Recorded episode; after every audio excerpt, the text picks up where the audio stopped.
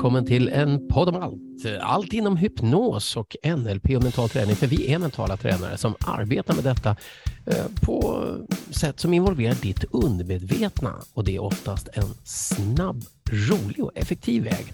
Jag heter Ulf Sandström. Och jag heter Fredrik Presto. Och idag tänkte vi prata om OCD.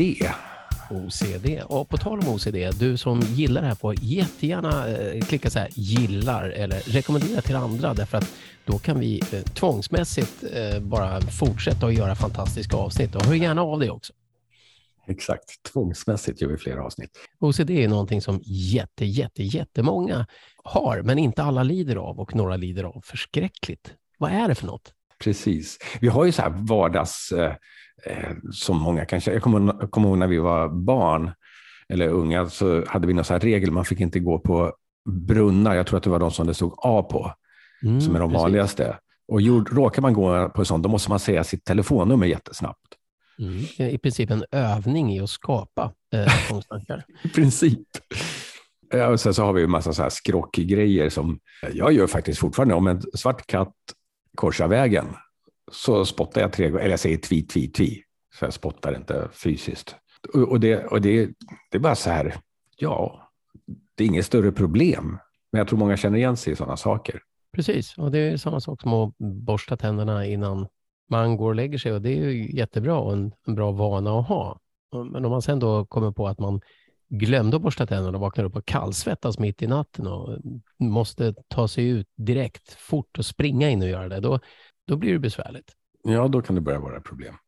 Men är det inte så att alla beteenden, alla tankar och känslor som vi har, har ett mål? Men inom NLP, neurolingvistisk programmering, som då är en säga, studie i subjektiv tänkande, hur varje människa skapar sina tankar och känslor för att hantera världen. Där pratar vi ofta om en positiv intention med någonting. Om vi har ett beteende, om vi har en tanke, en känsla, en reaktion på något som händer, så finns det någon, någon anledning till att det där skapades? Ja, eh, i alla fall anledningen till att det skapades, det är klart att det finns det också. Och sen så finns det också någonting som driver det. För det handlar, om man säger OCD då, det, det är alltså tvångsbeteende, men man räknar även in tvångstankar. Och ofta är det, eh, vi har ju känslor...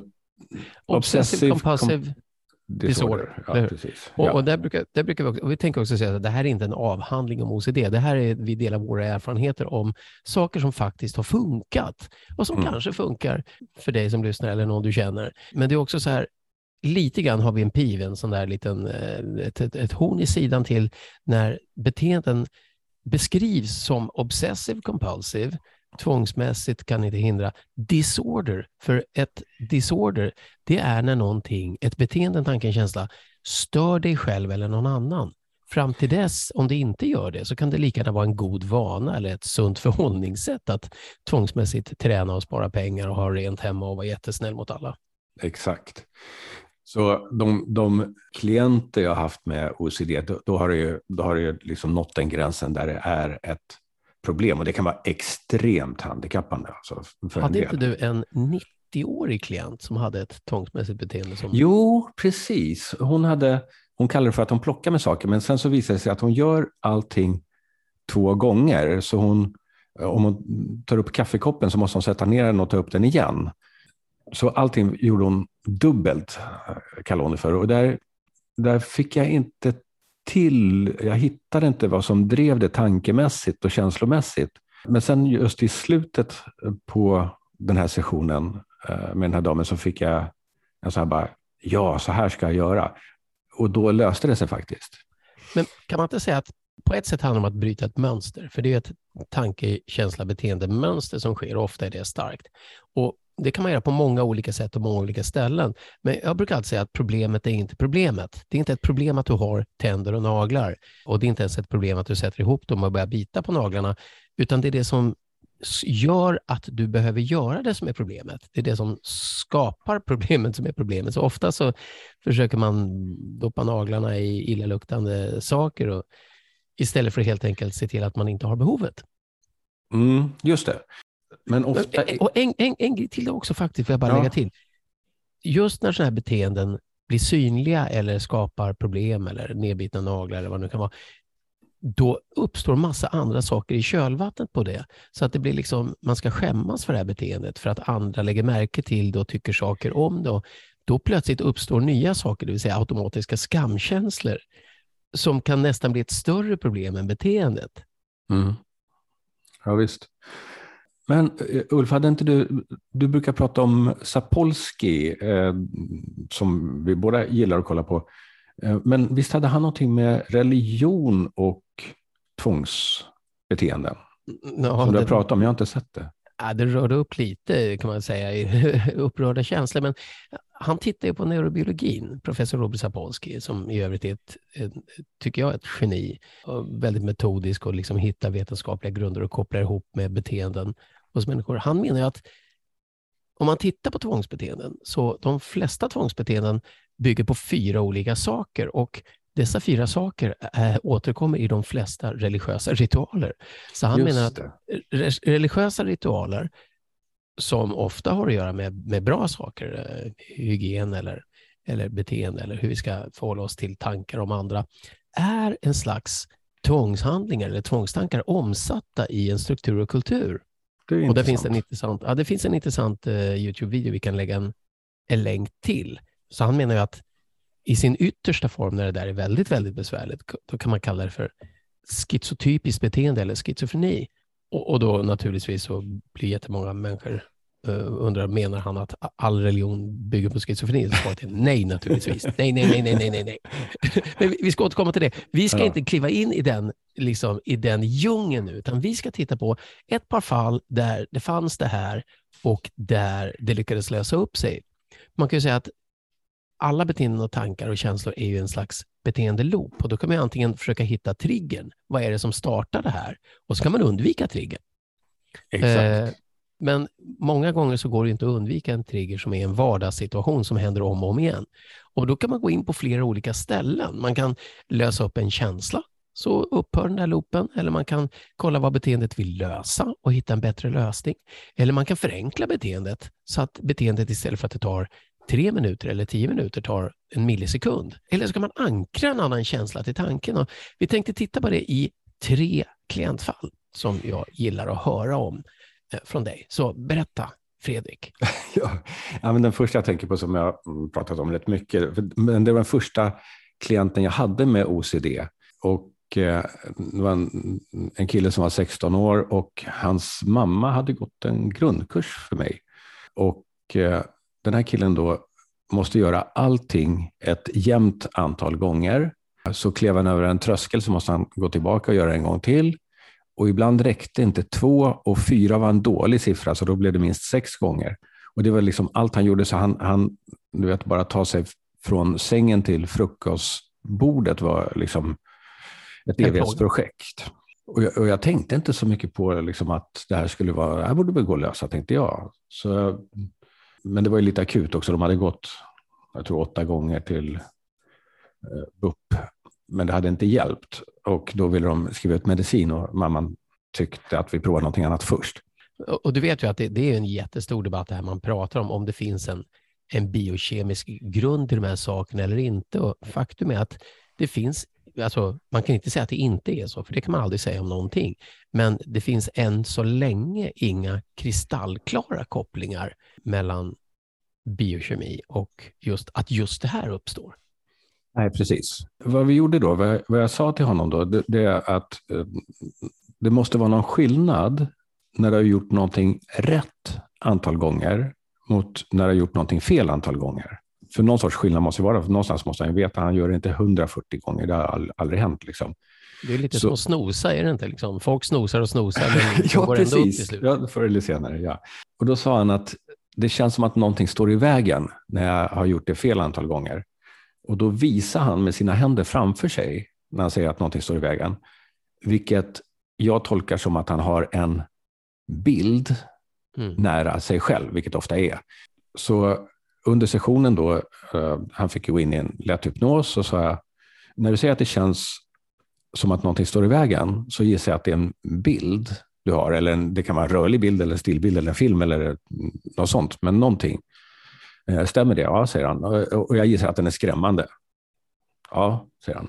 Och jag gissar att när du har gjort någonting rätt antal gånger så är du av med den. Eller ändrar den eller någonting. Ja. Så om du tar den bilden, han har ju visat ungefär med händerna hur stor den är, så, så här, om du krymper ner den så att den blir till ena hörnet, bara zip, så att den blir lite som ett frimärke och sen bara skickar du bort den. Och så gör du det snabbt några gånger. Vad händer då? Ja, då är den borta, säger han. Okej. Okay. Eh, fråga, hade du några fler bilder eller var det bara den? Nej, det var bara den. Okej. Okay. Och sen så lite positiva suggestioner som man säger då. Sen så fick han öppna ögonen och komma till vanligt medvetande och sen så bara testade vi. Vi satt i en kurslokal för jag tog emot honom på lunchen på en kurs. Så jag lägger handen där på whiteboarden. Mm, känns det som du måste göra det igen? Nej. Okej, okay, gå över tröskeln där borta. Behöver göra det igen? Nej.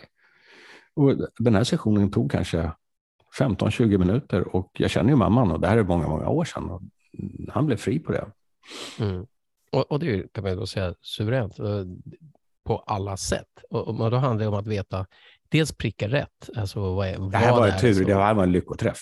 Ja, jag, att, eh, och, och sen kan man också säga för dig som lyssnar på det här, ja, men var det nödvändigt med hypnosen och, och alltihopa och, och vad menar vi med det? Men det är ju det att hypnos är ju bara ett superfokuserat tillstånd där man kan verkligen koncentrera sig på just exakt det här och skapa en ny tanke som är väldigt ren från andra intryck. Han sitter inte och tänker vad ska jag göra på måndag samtidigt som man försöker flytta en bild, utan man går in i ett fokuserat tillstånd där man kan träna upp hjärnan på ett nytt sätt att göra någonting annat med den där bilden. Zup, Mm, precis.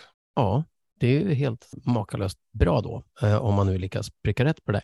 Men om vi då tar, om man då är orolig för någonting, att någonting ska ske på ett annat sätt. Det fanns ju en tolvårig tjej du brukar berätta om.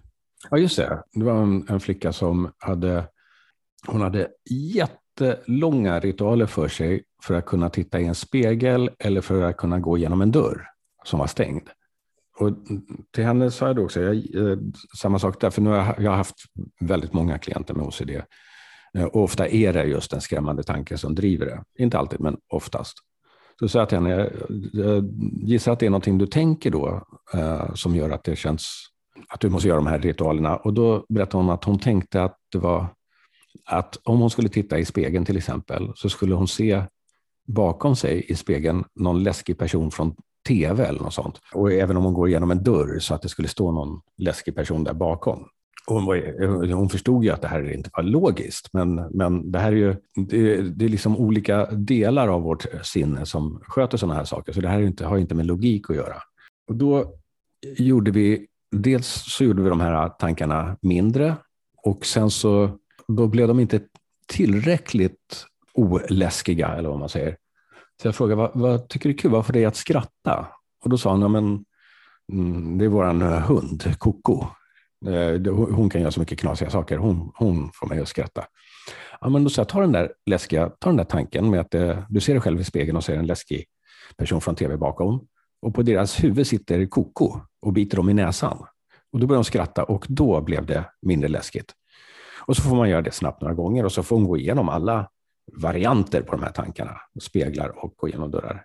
Och det har, precis det har jag också använt väldigt mycket. Man får, får med sig någon, en resurs som kan lösa det som inte verkar ha gått att lösa förut och ofta någonting komiskt. För komik och humor är ju någonting som automatiskt dissocierar. Kan man skratta ja, åt det så ser man exakt, det på distans. Och humor är ju liksom den största lekaren, brukar jag säga. den största lekaren. Ja, och med henne var det också, det var, det var ju perfekt, för det var ju bara att be henne, jag frågade henne sen när vi var klara, vill du prova att gå till spegeln i badrummet och, och kolla? Hon sa, ja det vill jag göra. Och, och det gjorde hon, det var inget problem. Mm. Ja, det, det, just också det att när man hittar humor och skratt och får till en rolig känsla, och det är oftast lättare i hypnos eftersom du är fokuserad och mm. känslan blir starkare och tydligare. Då sitter den kvar sen och då kan folk inte låta bli att och se Koko sitta och bita i näsan eller skratta eller fnissa i det som förut var en annan reaktion. Så man har fått ett nytt reaktionsmönster. Exakt. Vi ska inte gå igenom alla tekniker som har med det här att nu, men i princip så, så, så, är det ju liksom det som i varje fall vi har använt som har fungerat på de här fallen. Det är ju dels att dissociera tanken, det vill säga att man tänker tanken på ett annat sätt. Man tänker bilden mindre, man flyttar den bort, man lär sig att skjuta undan den eller man förenklar ett beteende, drar ner det till någonting mycket kortare. Eller man skapar ett nytt reaktionsmönster därför att Koko dyker upp och biter någon i näsan. Och Sen kan man ju faktiskt också använda tapping eller havening eller någon av de här, det som kallas energipsykologi, det vill säga att man lugna nervsystemet genom att lugna kroppen, andning eller någonting. Så, så att känslan inte blir lika stark och då är inte bilden lika skrämmande och då har man också brutit loopen. Mm. Och där kan man ju också gå, om du går på beteendet, om du låter bli eh, lite grann att göra det som känns jobbigt och så får, då får du en jobbig känsla, då kan du använda någon av de teknikerna. Till, till exempel tapping, det, det finns ju peacefulheart.se, hittar du den tekniken som vem som helst kan lära sig. Ja, och där kan jag då bara säga, det, det, då kan man säga, är inte det, liknar inte det KBT då, till att, man, att man vänjer sig vid beteendet gradvis?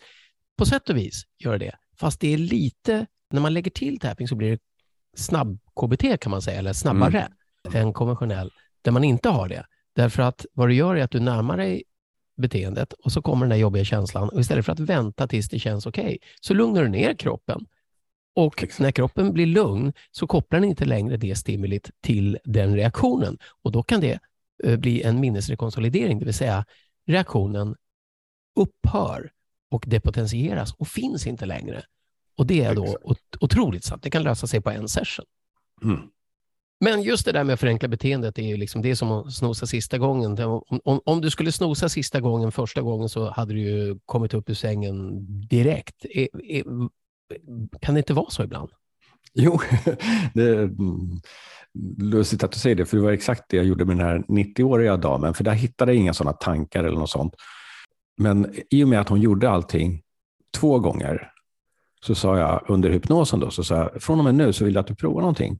Jag vill att du provar att alltid börja med den andra gången och sen får du se om du behöver göra den första efter det. Och det funkar. Nu vet jag inte om det var just det som gjorde att det funkade, men eh, hon blev i alla fall eh, fri från det där. Påminner mig om en kompis som alltid när man var ute, när man var liksom i, i, i 20-årsåldern, så att så här, ja, en bira till kan man ta. Tänk, börja med sista biran så är det ju klart. ja, precis. det är samma sak. Ja, men det, det som är intressant är att just att alla alla mönster vi har, tankekänslor och beteendemönster, är reaktioner på någonting någon gång i tiden. Det kan vara något som händer nu och det vill lösa något, men det kan eh, försöka lösa något som inte längre är relevant. Och Kan man bryta loopen eller hitta ett bättre beteende, byta ut känslan, så skapar man någonting helt annat. Robert Sapolskys föredrag vill jag rekommendera om religion och tvångstankar, tvångsbeteenden, därför att det är fyra stycken som är de vanliga. Eh, och det är då mm. renlighet. Liksom. Folk, renlighets Tvångstankar är väldigt vanliga och väldigt många religioner har riktlinjer för hur vi håller oss hygieniskt och rena. Perfektion, tvivel och skador och sen förbjudna tankar. Och det är ju liksom en core i, i många olika sådana. Definitivt. Men har du någon erfarenhet som lyssnar på det här, någon historia eller någonting du vill dela eller, eller diskutera, så hör av dig till infoattenpodomalt.se för vi tycker det är fantastiskt kul. Om du skulle dra en slutsats med OCD, Fredrik, vad skulle du dra för slutsats just idag? Du kan ändra den när du vill. Ja, just idag skulle jag säga, det, det är en loop med tankar, känslor och beteenden som driver det och någonstans där går man in och försöker hitta det som är enklast att ändra. Tanken, ändra hur du tänker den. Känslan, kör till exempel tapping. Beteendet, prova att göra på ett nytt sätt eller så att säga gör den sista gången först. Precis, och, och det är också så att vad du också kan göra som är en väldigt vanlig metod som funkar för många, det är att du accepterar att det här är tankar och det är inte du och du kan bara betrakta tanken och se den fara förbi som en ladugårdssvala på väg till en marknad. Eh, och jaha, där flög den. Och då, då måste man inte reagera på det. Men vi är då mentala tränare som arbetar med hypnos och NLP som involverar ditt undermedvetna i din utveckling och testar lite metoder som där vi använder dem då funkar för folk där annat inte har funkat. Men det betyder inte att annat inte funkar. Det finns mängder av olika metoder som är bra. Ja. En sammanfattning om det vi pratar om i den här podden hittar du i vår bok Unpack your existence som finns fysiskt och som ljudbok där böcker säljs. Du kan gå med en gång i månaden och uppleva en live workshop om du går in på unpackyourexistence.com. Om du tycker att det här var intressant så får du gärna gilla avsnittet och dela med någon du tror kan ha glädje av det. Då får du dessutom någon att diskutera det med. Precis, dessutom blir vi överlyckliga. Det blir vi. Ja.